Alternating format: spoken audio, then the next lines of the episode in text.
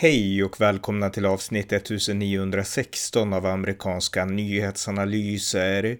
En konservativ podcast med mig, Ronny Berggren, som kan stödjas på swishnummer 070-30 28 95 0.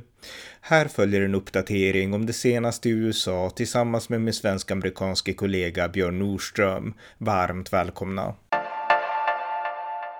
Björn Nordström, välkommen. Tack så mycket. Vi ska uppdatera igen lite om det senaste som hänt i USA och eh, ja, du kan börja.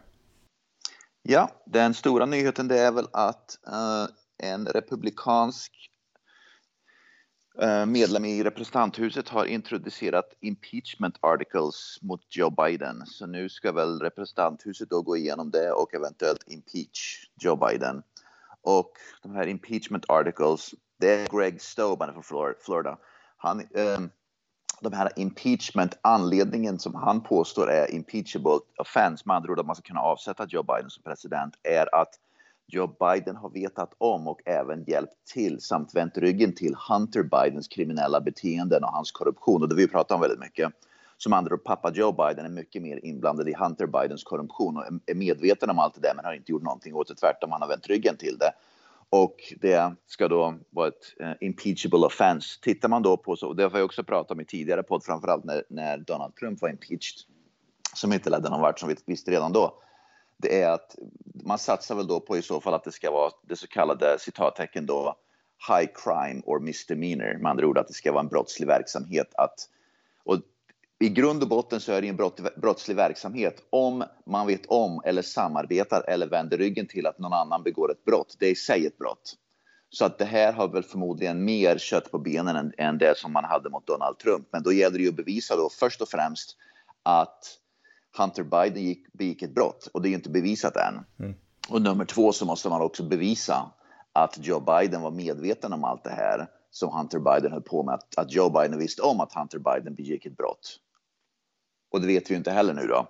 Men det finns förmodligen mer kött på benen med det här än, jobba, än, än med, med Donald Trump. Ja, med Trumps Russia, liksom gate, riksrätt definitivt. Eh, sen måste man också ha politikerna med sig och eh, Demokraterna ja. styr senaten och de kommer ju inte att fälla liksom Nej, absolut Joe Biden. Inte. Så att, men, inte. Men, ja. Problemet blir ju så här i så fall att om det visar sig att Hunter Biden och tiden finns väl inte för det nu, för det kommer det är inte tillräckligt mycket tid att utreda. Men det skulle vara intressant att få reda på om Hunter Biden blir fälld för ett brott och det finns eh, då bevis för att Joe Biden visste om det hela, då förändrar ju det läget därför att då liksom kräver ju det att Joe Biden ska bli avsatt. Men det är mycket om i den frågan, det är mycket om och men. Så det, där är vi ju inte nu. Men um, det är i alla fall de två sakerna som skulle, som skulle krävas då. Så att, men som, som, som du nämner, det finns ju inte en chans att Demokraterna i senaten kommer att fälla Joe Biden. Nej.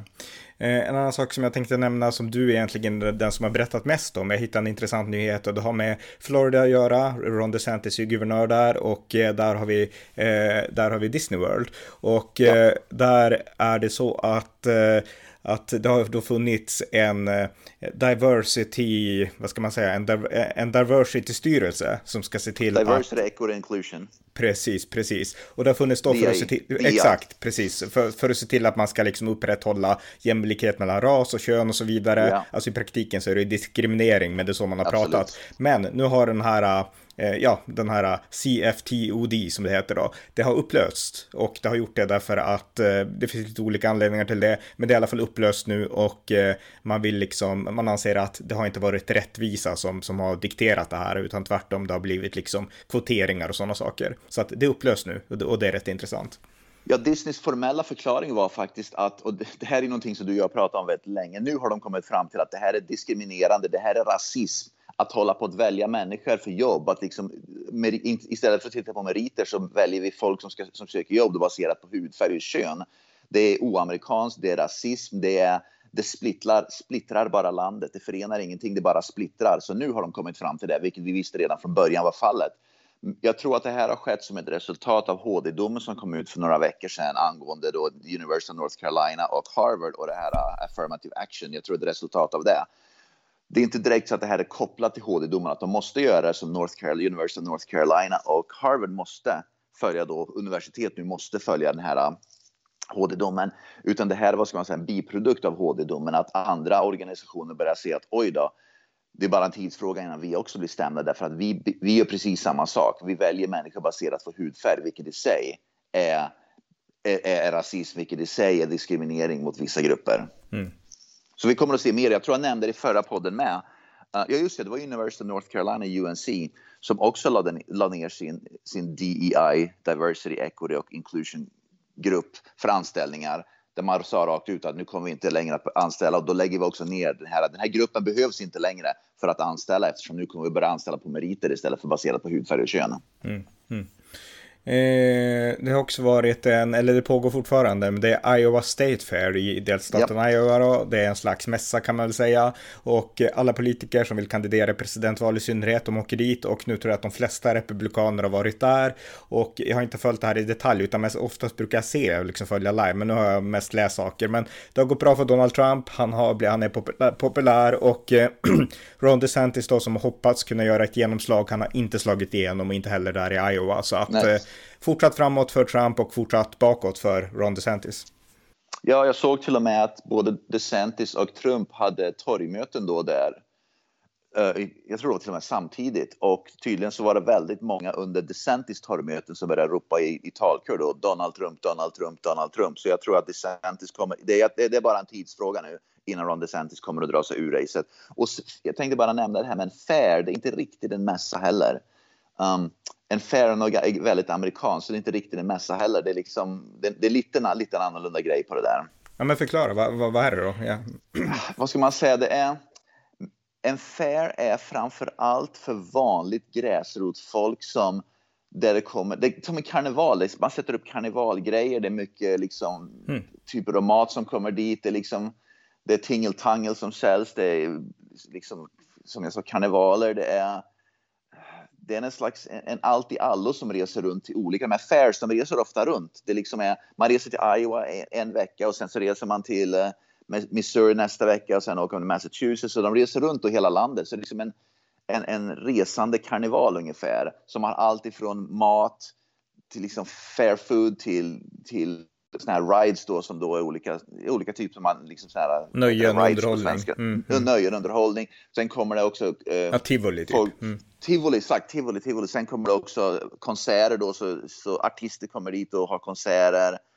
Så man promenerar, promenerar, promenerar liksom omkring där. Det är ett stort, stort område, ofta utomhus naturligtvis, för det är ett stort område. Och sen så promenerar man omkring och sen så är det då framförallt inriktat sig till vanliga människor, inte den här vänstereliten utan de som går på fair. Jag törs påstå att 80-90 procent är republikaner och vanliga, liksom vanligt gräsrotsfolk, republikaner, konservativa. Mm. Det är liksom den typen av människor som går dit, inte de här de här överklassjournalisterna eller de här universitetsprofessorerna, de går inte det fair, utan det här är för vanliga människor. Och det har hållit på då en tradition som är säkert över hundra år. Mm, en folkfest och Donald Trump, han ja. är folkets hjälte verkar som utifrån Precis, det man läser. Precis, det är därför mm. han får så mycket popularitet på de här fairs, därför att det är hans typ av folks, det är Walmart-människorna som går dit helt enkelt. Mm, mm. Ja, vi fortsätter, något mer? Ja, um, den före detta senatorn uh, Scott Brown Eh, gick ut och sa alldeles bara igår eller förrgår bara att han under eh, för ungefär tio år sedan när Joe Biden var vicepresident och vicepresidenten då introducerar och när, den här, när man svär in då senatorerna så är det vicepresidenten som sköter det där. Och tydligen så var det så att Joe Biden då när han svor in den Massachusetts senator Scott Brown, det var för tio år sedan det här då, så, hade, så lade Joe Biden, och då har man, när man blir insvuren som senator och så, så har man ju, om man är gift och så har man frun med sig till exempel då, i det här fallet, så i alla fall Joe Biden la sin hand på senatorns, uh, den, den, senatorns frus uh, nedre bakdel. Och, och senatorn då, Brown, sa till Joe Biden just då att jag kommer att spöa skiten ur om du rör min fru igen. så han hotade Joe Biden med att spöa skiten ur dem helt enkelt. Sa att det här är över, vi har gått vidare, men det stämmer absolut. Han tafsar på min fru och jag hotar honom att slå ner honom. Det är inget snack om det. Okej, okay. ja det här minns inte jag, ja. för jag minns ju Scott Brown väldigt väl. Alltså jag minns när han vann, ja. för att han vann, det var ju så här att Scott Brown var från Massachusetts, det har jag skrivit mycket på amerikanska nyhetsanalyser. Och det var, det var ju efter att Ted Kennedy, ja. John F Kennedys lillebror, hade dött. Och han hade ju suttit på sin senatsplats i årtionden. Och ja, då vann en republikan och det var Scott Brown som vann, så han var väldigt omtalad där och då. Men den här detaljen, det, ja det visste jag inte. ja, och det var någonting som tydligen han, han sa att jag ville tona ner efter det. Jag ville inte att det ska bli nyheter för att jag hamnade senaten och det vill jag inte att det ska bli nyhet. Och sen så kom det till, det var någon journalist som frågade om det där alldeles nyligen och då bara på någon intervju han gjorde, då bara sa han ja det här hände bla bla bla men punkt slut, här är sista gången jag vill snacka om det men visst hände det. Och det visar återigen att, att eh, Joe Biden då, han är helt enkelt, hans händer är där de inte borde vara, han är helt enkelt lite creepy. Mm. Och det finns en anledning då att, att, Donald Trump benämnde honom som creepy Joe Biden. Mm. Mm. Ja, det, alltså det här var ju, jag ska läsa mer om det här sen, alltså det var en ja. mycket intressant nyhet. Ja, vi går vidare, något mer? Ja, det var i, jag tror det var i delstaten Texas, jag kollar på det här just nu. Uh, ja, det var delstaten Texas, Riley Gaines var inbjuden, det var en konferens för kvinnor. För kvinnor och flickor i delstaten Texas uh, för några dagar sedan som, skulle, som var då till för att, skydd, för att värna om och skydda damidrotten. Vad kan vi göra för att skydda dam och flickidrotten från biologiska män? Att de ska komma hit och förstöra damidrotten. Va? Mm. Och tydligen så var det då massa då aktivister, vänsterliberala aktivister då, som är transaktivister som attackerade, började spotta på dem, började kasta saker på dem. Kort och gott attackerade en massa kvinnor och unga flickor. Det var tydligen till och med flickor som var ända ner till åtta år, bara åtta år gamla som blev attackerade och, och blev bespottade och, kast, och liksom när, när de kastade vattenflaskor och andra saker på dem. Mm. Alltså det visar ju att de här transaktivisterna hatar flickor och hatar kvinnor. Det är ju bara bokstav. Man, man, en, en vettig, sund människa attackerar inte småflickor under en konferens. Nej. Som, som vill värna om flickidrott. Mm, nej, nej, precis. Ja, vi fortsätter. Något mer? Ja.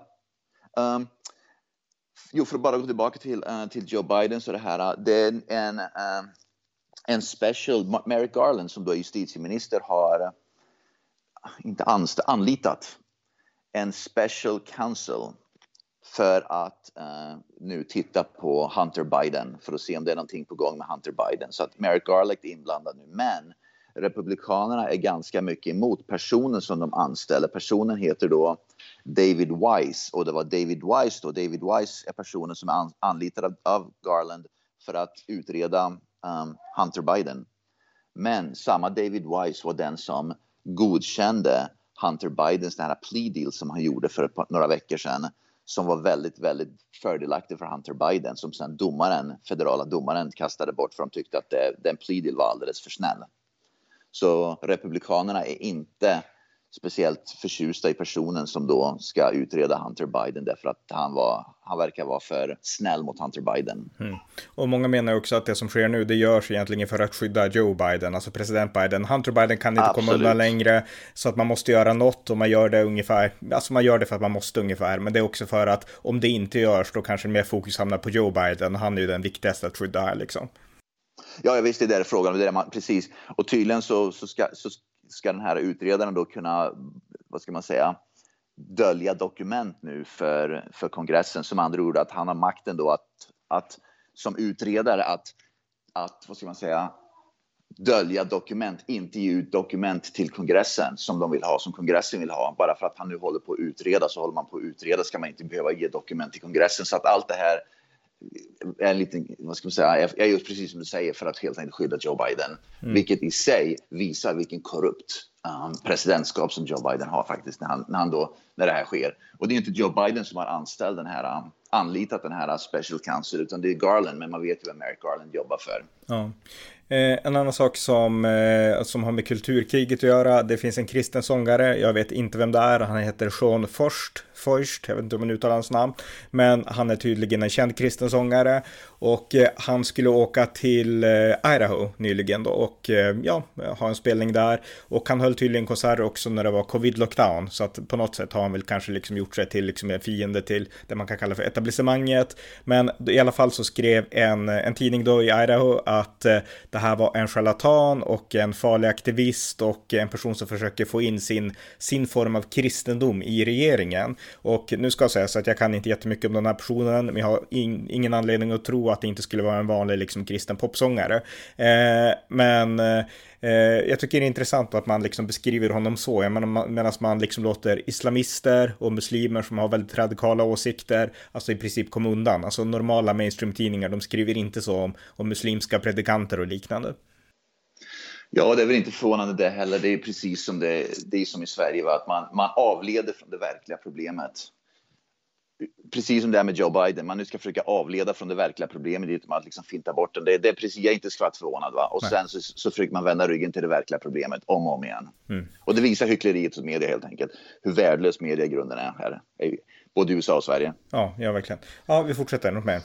Ja, det finns en person, han heter Aaron Terrell, det är tydligen en transperson. Det här skedde förra september, men det är tydligen nyheter som just kom fram nu. Så det är i alla fall en transperson som heter Aaron Terrell. Han i alla fall gick på en konferens då för ett, det var i september i förra året, nästan ett år sedan, för trans, en transkonferens. Och han började ifrågasätta under konferensen om det här vad ska man säga, läkarindustrin då, där man ska då börja ge massa piller till småbarn och skära upp massa barn, liksom skära sönder ungar och mutilera dem då. Om det verkligen är vettigt att hålla på med sånt där, om det finns tillräckligt mycket, vad ska man säga, vetenskap kring och kunskap kring sånt där än, eller om vi helt enkelt håller på att förstöra barns liv. Han i alla fall ställde den frågan under konferensen. Han är trans själv. Mm. Men han blev i alla fall utkastad från konferensen därför att han var för obekväm.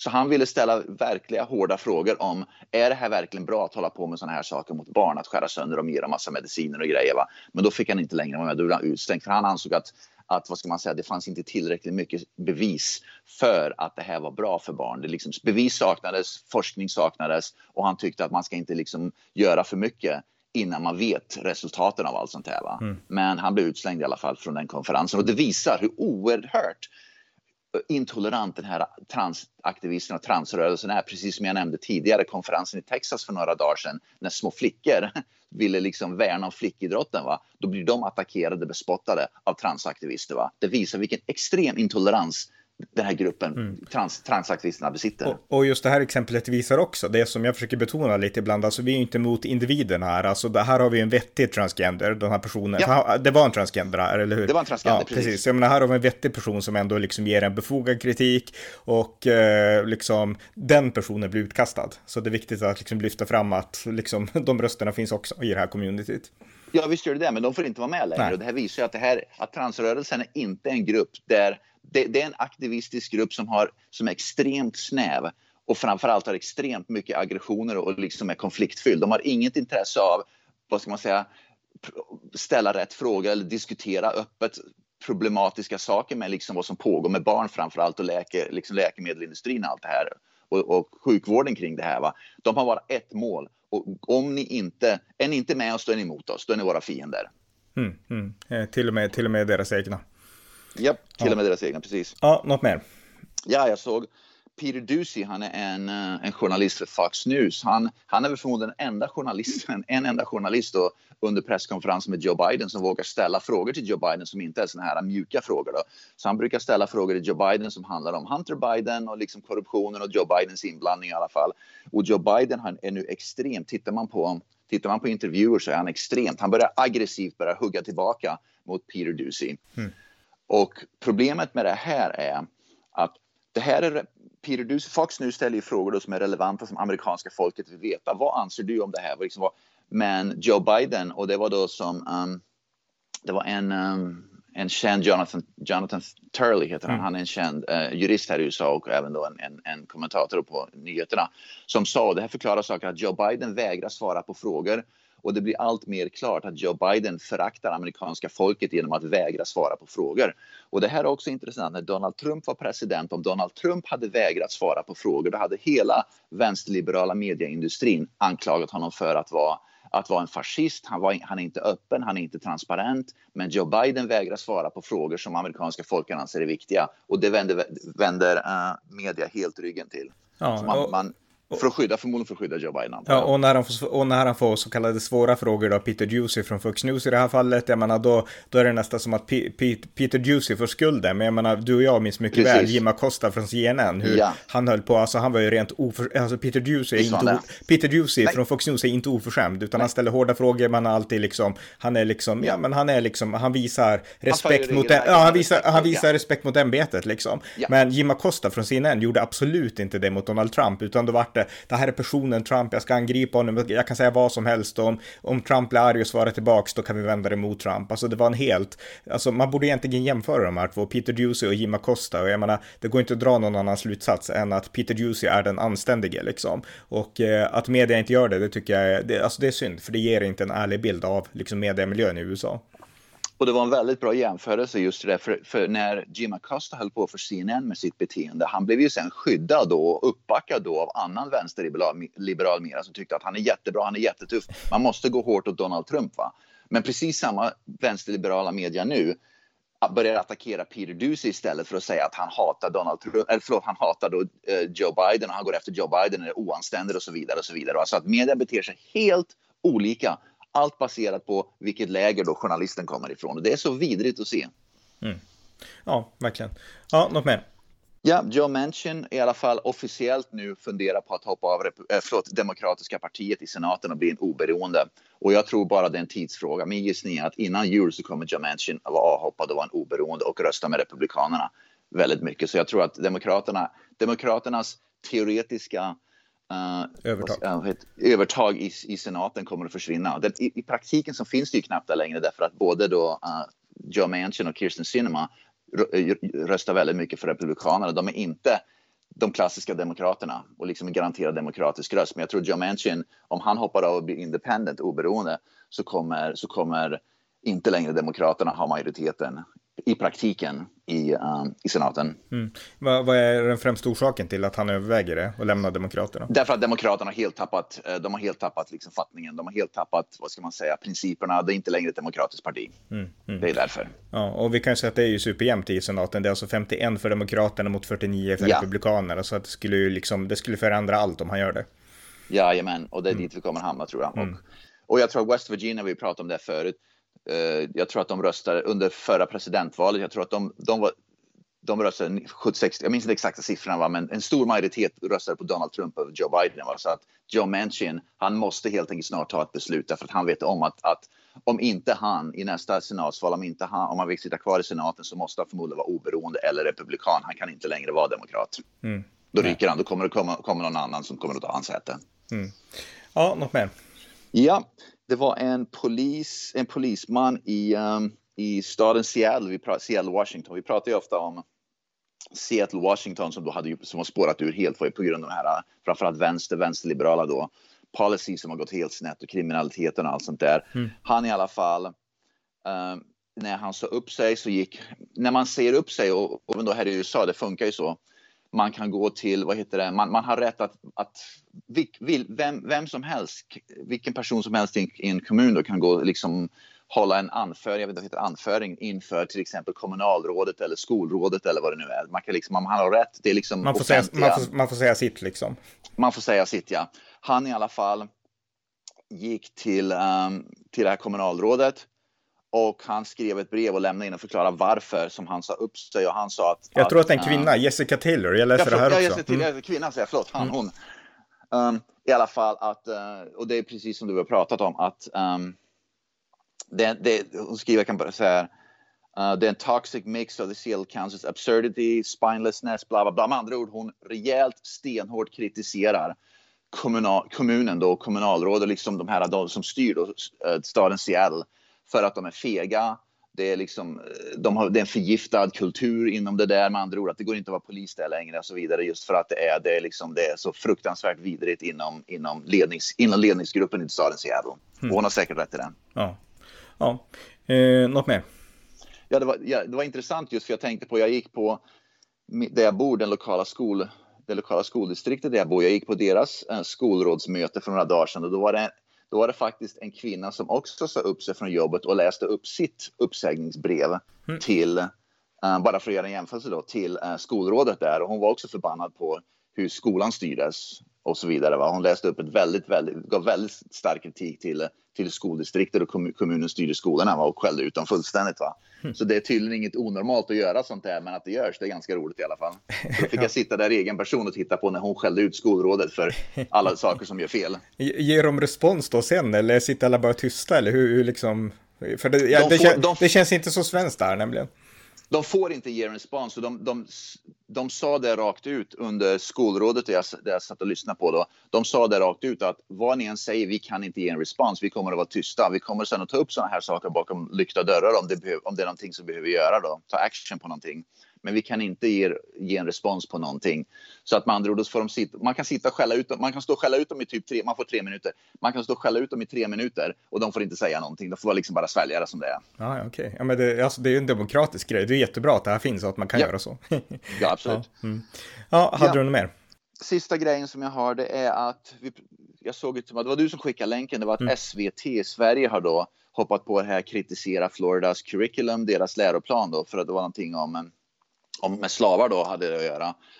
Och New York Times försvarade till och med Florida, så New York, när New York Times till och med försvarar Florida, då vet vi att det är liksom en, vad heter en storm i ett vattenglas eller vad det nu heter. Mm. New York Times skrev att det var en enda mening i den här läroplanen som folk hakar upp sig på. En mening utgör inte en hel läroplan, så lugna ner er nu, det är bara en enda mening. Det kanske inte var den bästa meningen någonsin som har skrivits.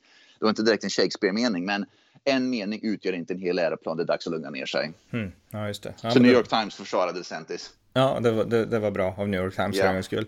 Ja, nej, men bra. Tack så mycket Björn. Tack så mycket.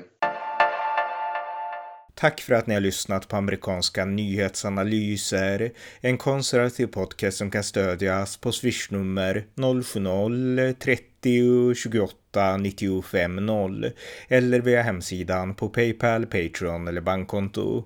Skänk också gärna en donation till valfri Ukraina-insamling. Tack igen för att ni har lyssnat.